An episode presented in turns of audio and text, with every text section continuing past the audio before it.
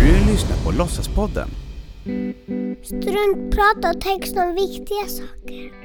På något sätt är allt omkring oss, tankar, ideal och normer, påhittat av oss människor. Vi låtsas helt enkelt. Och du lyssnar på Frida Silander och Erik Rosales som låtsas göra en otroligt viktig podd. Här är den korta versionen med bara texterna. Dagens tema är fel.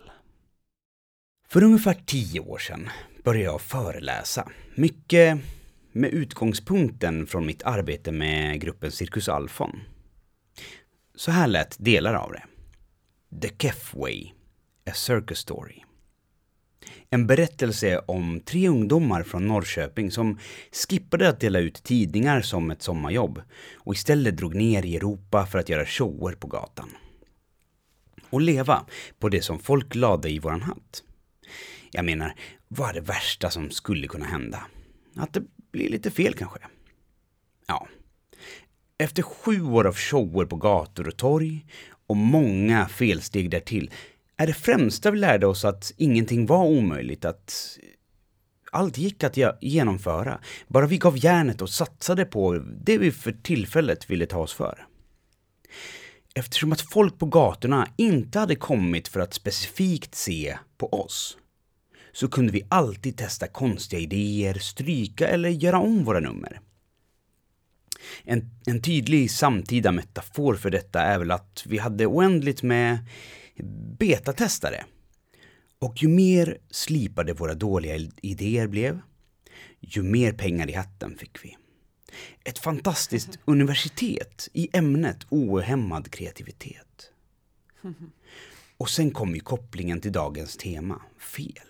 Att helt enkelt våga göra fel. Vårt samhälle är liksom så otroligt framgångsfokuserat. Och i vår strävan efter att göra succé, göra karriär, göra rätt har vi blivit mer eller mindre allergiska mot att göra fel. Och då blir även andras felsteg något man gärna vill understryka. Tänk er hur många som just nu sitter och tittar på andras framgång, andras uttryck, andras succéer för att sedan försöka göra något snarlikt. I absolut bästa fall blir man en blekare kopia av originalet. Cirkus Alfon har i motsats till detta gjort helt enkelt fel och blivit otroligt duktiga på det.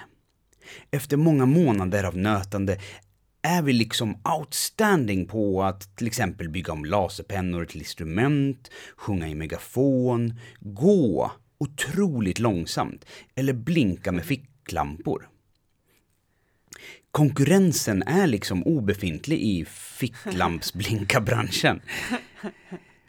I just den genren kanske vi till och med skulle kunna kalla oss världsklass. Det är otroligt många år sedan vi lämnade människorna kring gator och torg som betatestare, men fingertoppskänslan och modet i att våga och satsa på oprövade kort lever kvar i vårt kreativa DNA. Och ju mer jag tänker på det, så har ju de flesta idéer faktiskt inte alls testats. Flera av dem bor ju inuti dig. Och ett sammanfattande och passande ordspråk lyder Vi föds som original, men de flesta av oss dör som kopior. Det är dags för vårt samhälle att göra upp med perfektionshetsen och våga testa helt oprövade tankar och visioner. För vad är det värsta som kan hända? Jag har stått på en ranglig träbro och pratat med en bäverjägare. Försökt förstå varför han ville skjuta bävern. Djuret som jag varje gång jag går över bron spanar efter. Djuret som alltid får mig på gott humör när den visar sig för mig.